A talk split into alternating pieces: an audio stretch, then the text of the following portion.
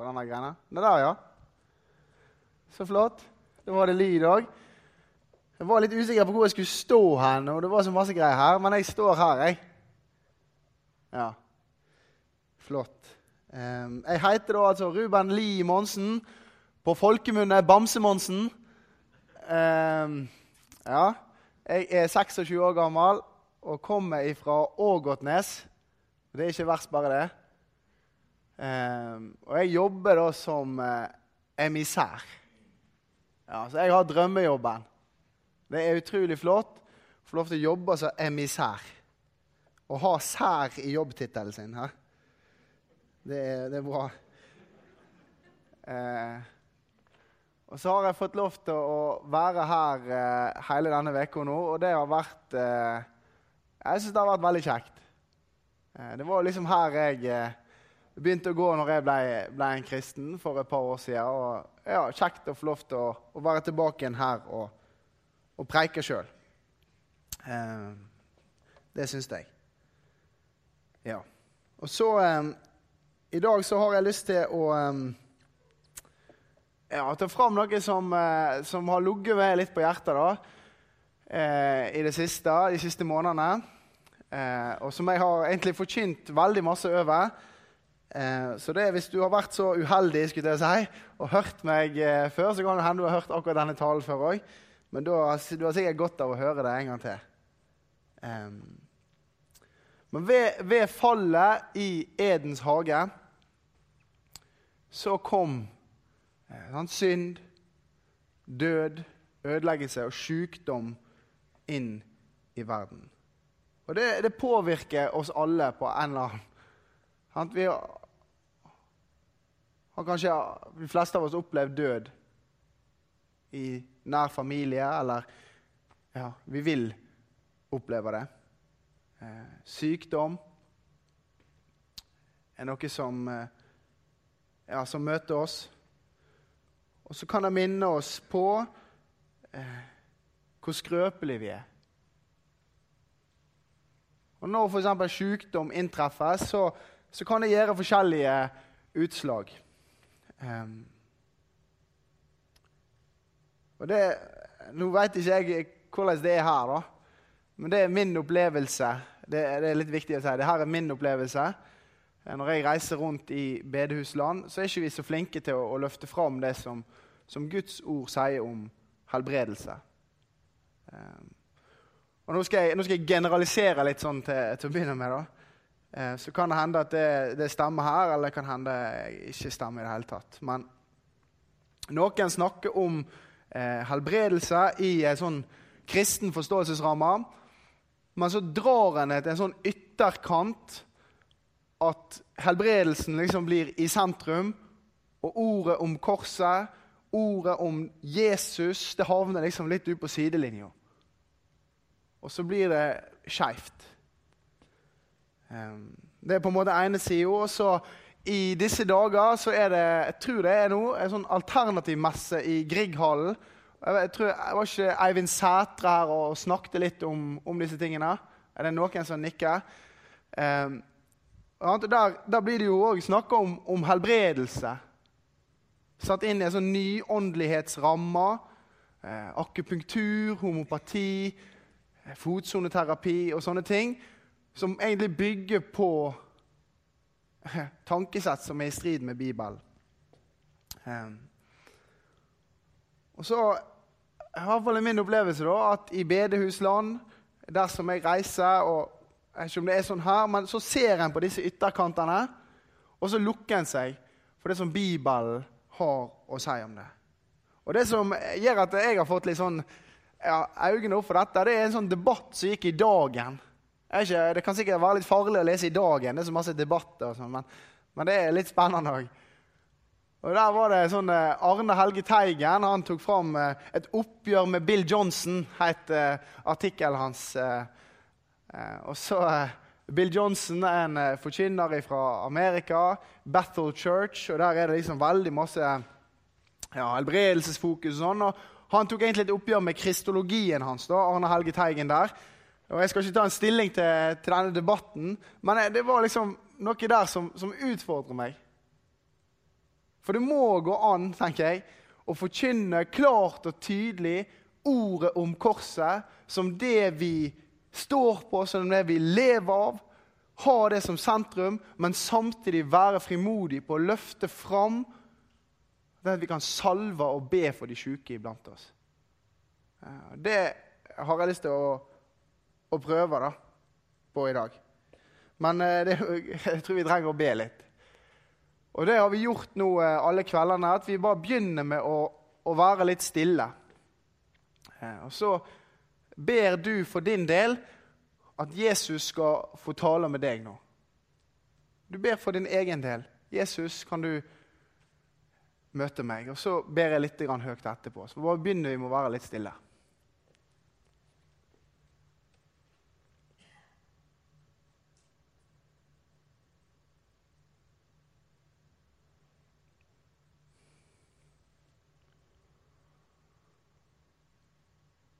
Ja, Herre Jesus, jeg har lyst til å takke deg for at vi har dine løfter på at du er midt iblant oss nå, Herre. Så jeg har lyst til å takke deg for at vi får samles om ditt ord, som er levende og virkekraftig og skarpere enn noe tveegget sverd, Herre. Og så takker jeg deg for at, eh, at når ditt ord blir forkynt, så kommer du. Så ber jeg deg, Herre, at du må møte den enkelte her, at vi må få et glimt av deg. I Jesu navn. Amen. Da eh, har jeg lyst til å eh, lese en tekst fra Johannes kapittel 4, og fra vers 43 der og ut kapittelet. Det er om den kongelige embetsmannen i Kapernaum. Um, kan vi lese den sammen uh, til å begynne med?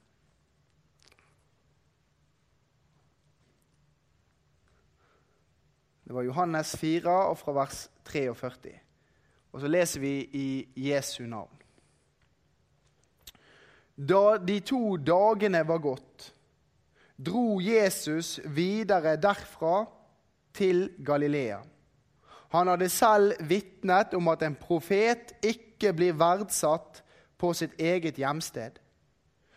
Da han kom til Galilea, tok folket der vel imot ham, siden de hadde sett alt det han hadde gjort i Jerusalem i høytiden, for også de hadde vært der i høytiden. Jesus kom nå igjen til Kana i Galilea, der han hadde gjort vann til vin. I Kapernaum bodde en kongelig embetsmann. Han hadde en sønn som var syk. Da han fikk høre at Jesus var kommet fra Judea til Galilea, gikk han til ham og ba han komme ned og helbrede sønnen for gutten var døden nær. Jesus sa til ham, uten at dere ser tegn og under, tror dere ikke. Kom, Herre, før gutten min dør, sa mannen. Gå hjem, sønnen din lever, sa Jesus til ham. Mannen trodde det ordet Jesus sa til ham, og gikk av sted. Da han ennå var på hjemveien, kom tjenerne og møtte ham. Og de fortalte at gutten hans levde. Han spurte dem når det var blitt bedre med ham. De svarte i går. Ved den sjuende time forsvant feberen. Faren skjønte at det var skjedd akkurat da Jesus sa til ham, 'Sønnen din lever.' Og han og hele hans hus kom til tro. Dette var Jesu andre tegn, som han gjorde da han kom fra Judea til Galilea. I vers 43, som vi begynte med å lese, så står det da de to dagene var gått. Og det her knytter denne hendelsen som vi har lest nå, til hendelsen før. Når Jesus er i Samaria, møter denne kvinnen ved brønnen, som er en kjent historie for mange. Og hun springer derifra, ifra vannkrukka si og inn i byen for å vitne om Jesus. Um, og så er han ifra på vei eh, til Galilea. Og så står det der i vers 44. Han hadde selv vitna om at en profet ikke blir verdsatt på sitt eget hjemsted.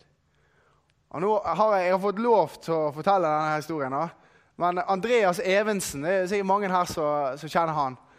Eh, han eh, når han gikk på, på bibelskolen på Bildøy, så, eh, så, tok han en sånn nådegavetest. Og så eh, fant han ut at han var profet. Så etter det så, så måtte alle de andre kalle han Habakuk. Han gikk under tilnavnet Habakuk. Og Så gikk det noen år, og så hadde han møteveker hjemme på Askøy, der han er ifra. Og så gikk det ja, ja, Så kom han liksom tilbake fra den møteveka, og så var det Per Gunstein Nes som hadde spurt ja, hvordan, hvordan gikk det her. Jo, det gikk bra. Ja, da er du i hvert fall ikke profet. For det gikk bra på hans eget hjemsted. Så der eh, Så det var Jeg vet ikke hvem som har rett, jeg, om det er Guds ord eller nådegavetesten. Men eh, ja Andreas han var ikke, han, var ikke, han blir ikke kalt Habakuk lenger. Eh, men Jesus han sier det her òg i, i Lukas 4 etter programtalen sin i synagogen i Nasaret, så sier han det òg at ingen profet blir godt mottatt på sitt eget hjemsted. Og Så ender egentlig hele greia der med at han blir jaga ut av byen. Han blir ikke godt tatt imot. Men så er det litt merkelig det som skjer her, i Johannes 4. Han hadde selv vitne om at en profet ikke blir verdsatt på sitt eget hjemsted. Og Så er han på vei til Galilea, til sitt hjemsted, og så står det i neste vers Da han kom til Galilea, tok folket der vel imot ham. Det virker som det ikke er helt sånn stem overens. De tar ikke vel imot en profet på sitt eget hjemsted. Ja, da han kom til Galilea, tok de vel imot ham, står det. Men så står det noe mer. Det står 'siden'. Siden. Det er en betingelse siden de hadde sett alt det han hadde gjort i Jerusalem i høytiden. For også de hadde vært der. Det er på en måte en, en overfladisk mottagelse. Det er en, ja, en tryllekunstner de vil ha med å gjøre. En undergjører. En mirakelmann. Det er ikke Jesus sjøl, men det er gavene hans. Det er ikke giveren. Det er underne, ikke undergjøreren. Det er ikke Jesus sjøl de er interessert i, men det som han kan gjøre. For De har sett at han har gjort store ting i Jerusalem. Det er ikke Guds sønn de vil ha, det er ikke Jesu person de er interessert i, men det han kunne gjøre. Og Det kan Vi jo lese i, um, vi kan lese om uh, i Johannes 2, og fra vers 23 så kan vi lese om når han er i Jerusalem under høytiden. Og Det er sikkert her de her har vært vitne til. Og Der står det sånn i Johannes 2 og fra vers 23. Mens han var i Jerusalem under påskefesten, kom mange til tro på hans navn da de så de tegnene han gjorde.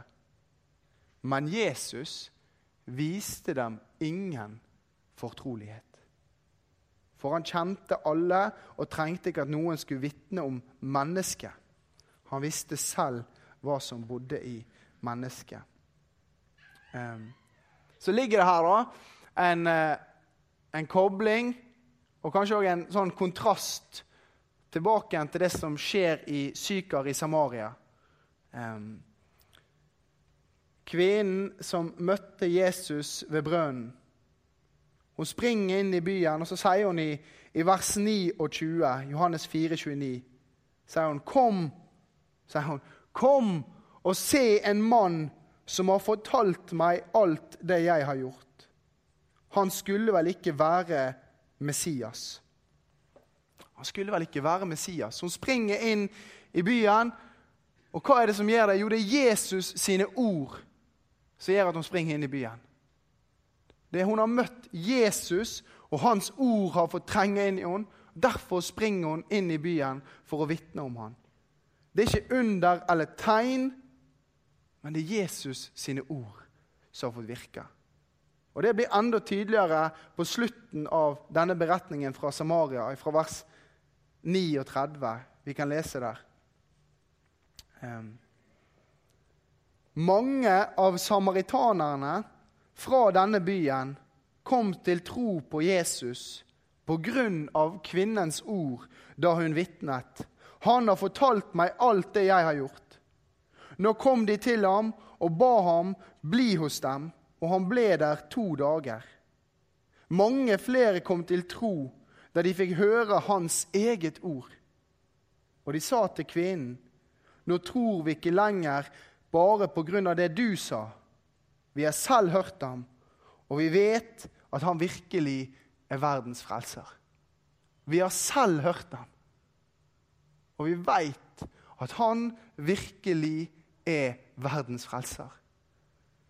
Det var Jesu ord som gjorde at de tok imot ham vel i Samaria. Det var Jesu person de var interessert i. Og det var ordene han talte, som var av interesse. Anerkjennelsen han får i Kana i Galilea, den er av en annen type enn den han får i Samaria, i Sykar. Så kan vi gå til vers 46. Da kommer den kongelige embetsmannen på banen. Og Han eh, går fra Kapernaum til Kana, og der er det 25 km.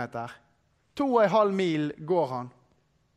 Eh, mest sannsynlig så var han i tjeneste hos Herodes Antipas, eh, sønnen til Herodes den store, som var kongen når Jesus ble født. Og Så er det en kongelig embetsmann. Går to og en halv mil for å kaste seg ned framfor en snekker.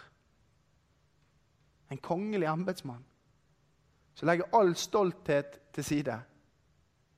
Han er desperat. Hans egen sønn er døden nær.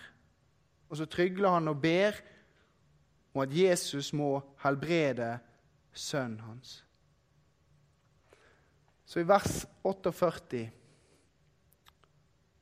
så sier Jesus til ham Uten at dere ser tegn og under, tror dere ikke. Og Det kan virke som et litt sånn merkelig svar til en, en desperat mann. Han har en gutt som ligger for døden. Og så får han høre det. Uten at dere ser tegn og under, tror dere ikke. Men Jesus forbereder han på det som skal komme. Eh, vi kan bare ta en sånn eh, liten eh, ja, stopp der, eller en liten tur innom eh, en tekst som vi var innom på fredag, Lukas 16, bare for å illustrere det. Eh, I Lukas 16 og fra vers 19 der, så står lignelsen om Lasarus og den rike mannen. Eh, Lasarus, en fattig mann som ligger utenfor porten til den rike og håper bare å få mette seg av smulene fra bordet til den rike. Og hundene kommer og slikker sårene hans. Så dør de begge.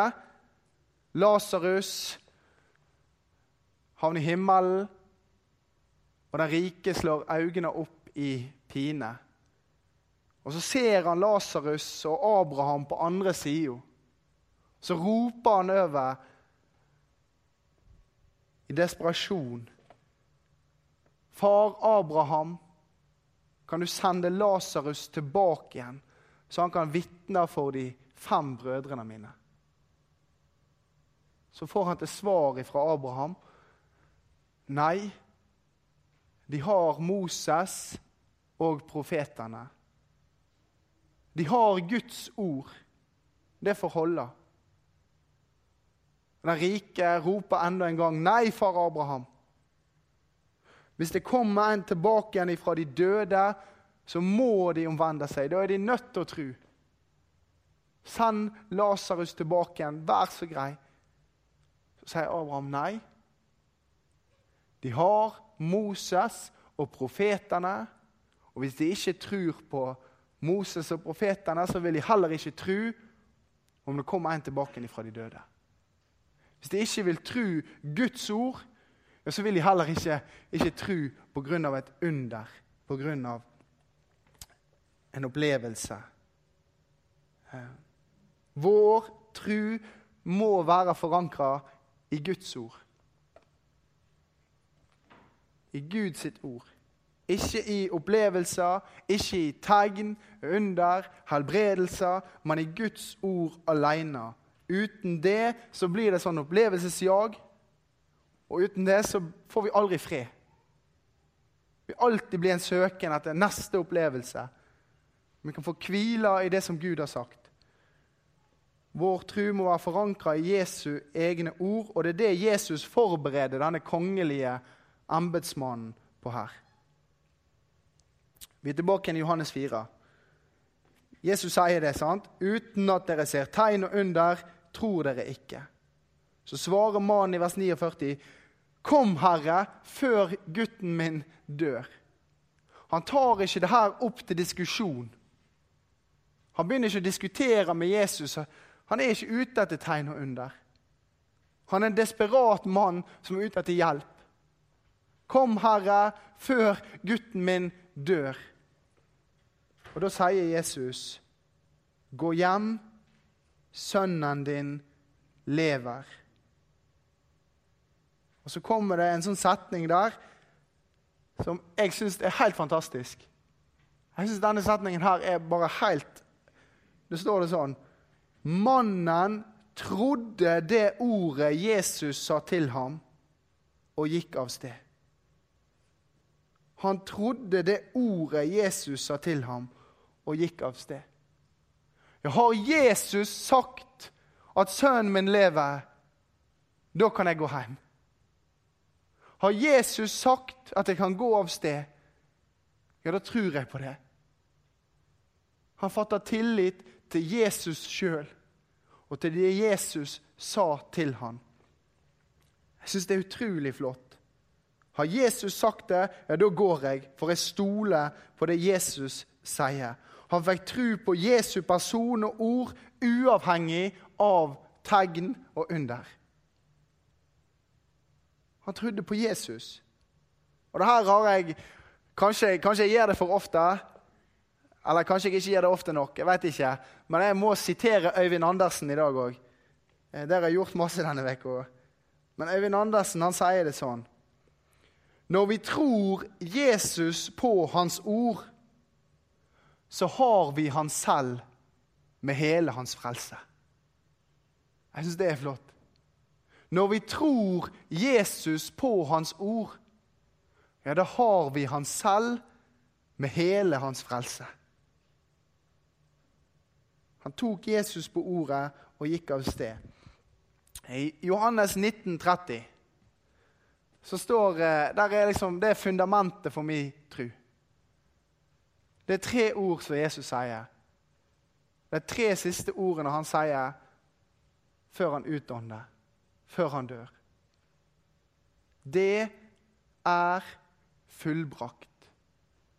Det er fundamentet for trua mi. At det er fullbrakt. Tror du Jesus på hans ord? Stoler du på det Jesus sier der? At det er fullbrakt? At din frelse er ferdig. Det er gjort. Han har gjort det. Når vi tror Jesus på hans ord, så har vi han selv med hele hans frelse. Det er fullbrakt. I Johannes 8, 51, så sier Jesus det sånn. Sannelig, sannelig, jeg sier dere. Den som holder fast på mitt ord, skal aldri i evighet se døden. Den som holder fast på mitt ord, skal aldri i evighet se døden. Det er fullbrakt. Det er Jesus sine egne ord. Vår frelse er fullbrakt. Han har gjort alt. Det er fantastisk. Det som står her om denne kongelige embetsmannen, det er sånn en blir en kristen. Han trodde Jesus på hans ord, og så gikk han av sted. Det er så flott. Um, og så står det da videre fra vers 51 og ut. Da han ennå var på hjemveien, kom tjenerne og møtte ham. Og de fortalte at gutten hans levde. Han spurte dem når det var blitt bedre med ham. De svarte i går, ved den sjuende time forsvant feberen. Faren skjønte at det var skjedd akkurat da Jesus sa til ham, 'Sønnen din lever.' Og han og hele hans hus kom til tro. Dette var Jesu andre tegn som han gjorde da han kom fra Judea til Galilea. Denne mannen han gikk i tro uten å se. Og så fikk han se det når han kom fram, at det var hold i Jesu ord. Jesus holder det han lover. Han er trofast. Når han sier noe, så er det hold i det. Så kan vi stole på det. Så kan vi satse livene våre på det. Det er fullbrakt. Og så er det så flott. Ikke bare ble gutten helbreda, sånn som Jesus sa, men en familie kom til liv i Gud. Han og hele hans hus kom til tro. De ble frelst. Og det er det aller viktigste. Vi kan bare nett lese det fra Johannes 20, og fra vers 30. Så er det på mange måter formålet med hele Johannes-evangeliet. Formålet med underne som han skriver ned. Derfor er denne hendelsen om ja, den kongelige embetsmannen skrevet ned. Det står sånn Johannes 20, vers 30. Jesus gjorde også mange andre tegn for øynene på disiplene. Tegn det ikke er skrevet om i denne boken men disse er skrevet ned for at dere skal tro at Jesus er Messias, Guds sønn, og for at dere ved troen skal ha liv i hans navn. Disse tegnene er skrevet ned for at vi skal tro at Jesus er Messias, Guds sønn, og for at vi ved troen skal ha liv i hans navn. Ordet om korset er sentrum. Jesus sine ord er det viktige å holde fast på. Men så har vi en Gud, en Gud som ikke bare har omsorg for sjela vår, men for hele mennesket. Hele mennesket har Gud omsorg for. Gutten blei helbreda. Ikke bare det åndelige, men, men Gud har også omsorg for, for kroppen vår. Um, jeg syns det er fint å kunne få lov til å forkynne det. At Jesus har omsorg for deg. For hele deg. Ehm, og så tror jeg at han fortsatt kan helbrede. Jeg tror at Jesus er i går og i dag den samme. Ja, til evig tid. Jeg tror at han kan gjøre sånne ting iblant oss òg i dag. Og så ser jeg i Bibelen at det står f.eks. Jakob 5 løftet knytta til, det å salve og be for de syke. Og Det har jeg lyst til å, å gjøre sånn nå til slutt. Så har jeg lyst til å, å holde fram oljeflaska mi. Den har jeg alltid med meg når jeg reiser rundt. Eh, jeg har, jeg har tro på det.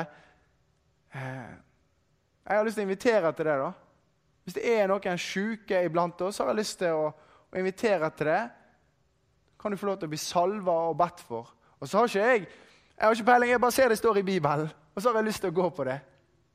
Jeg ser at det står i Jakob 5 og fra vers 13 og nedover der, så står det om det. Om vi skal salve de sjuke iblant oss og be i Herrens navn. Og så skal troens bønn redde den syke. Så har ikke jeg, Det er ikke noe hokus pokus med det, men jeg ser det står i Bibelen, og så har jeg lyst til å bare holde det fram i dag. For jeg tror at Gud kan fortsatt gjøre de greiene der. Han kan fortsatt helbrede. Så kan det hende du tenker at her er jo bare en jypling. Og det er helt riktig. Her er bare en jypling. Det er helt sant. Men jeg ja, en jypling som har lyst til å, å, gå på det som står i Bibelen.